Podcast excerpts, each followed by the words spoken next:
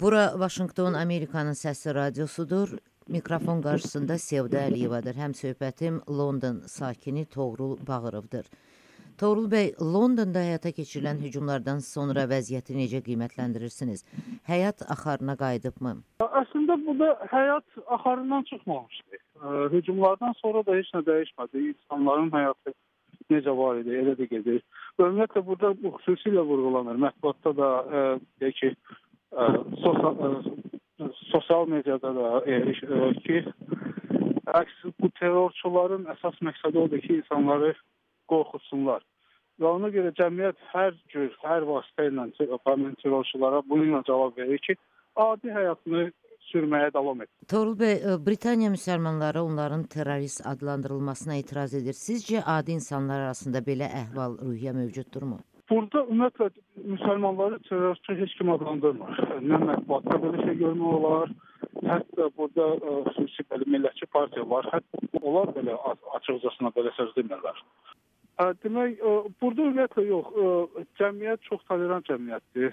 Cəmiyyət heç vaxt heç bir müsəlmana müsəlmanı terrorçu adlandırmayıblar. Heç vaxt heç bir müsəlmanı günahkar tutmayıblar mən nə küçə səviyyəsində, nə belə nə bir ictimai səviyyədə, nə bir dövlət səviyyəsində belə bir ittihamlarla rastlaşmamışam.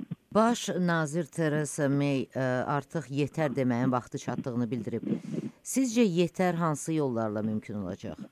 Onu mən, mən, mən bilən ə, xanım May özü də bilmir. Çünki bu çox bu onun bu bəyanatını çox adam seçki qabağı bir bəyanat kimi ə, qəbul edir. Çünki əslində bu mövcud hakimiyyət, konservativ hakimiyyəti zamanı polisin maliyyələşdirilməsi xeyli azalıb və polis dəfələrlə çıxış edirdi ki, bizim ailəmiz çatmır, bizim insanlarımız çatmır ki, əməlli bir ə, antiterror əməliyyatı aparaq. Və və müxalifət də bundan çox fəal istifadə edir, həmişə günahlandırır mövcud hakimiyyəti ki, onlar dövlətin təhlükəsizliyini təmin eləmirlər, pul kifayət qədər pul ayırmırlar polisə. Və ona görə bunu ə, xanım Meyin bu bəyanatını bir ə, siyasi bəyanat kimi hamı qəbul edir. Çünki bəli, onun bu bəyanatından sonra 12 nəfər adam həbs olundu. Həmin o terrorçuların yaxınlığında yaşayan, ərazisində yaşayan 12 nəfər adam.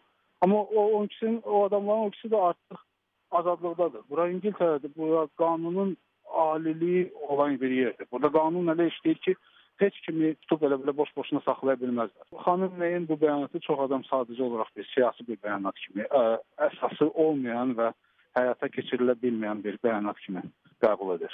Hazırda Britaniya qeyd etdiyiniz kimi seçkilər ə, öncəsindədir.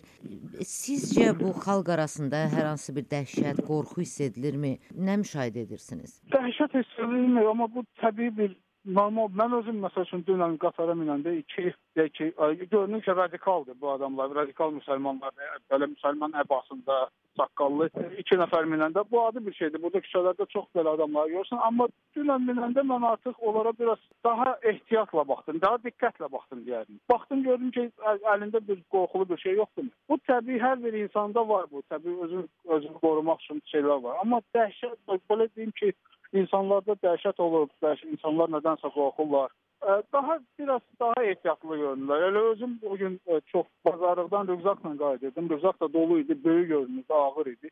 Və hiss elədim ki, elə həmən qatarda cəmaət mənə biraz tərs baxır ki, görürsən bunun rüzaqında bombadır.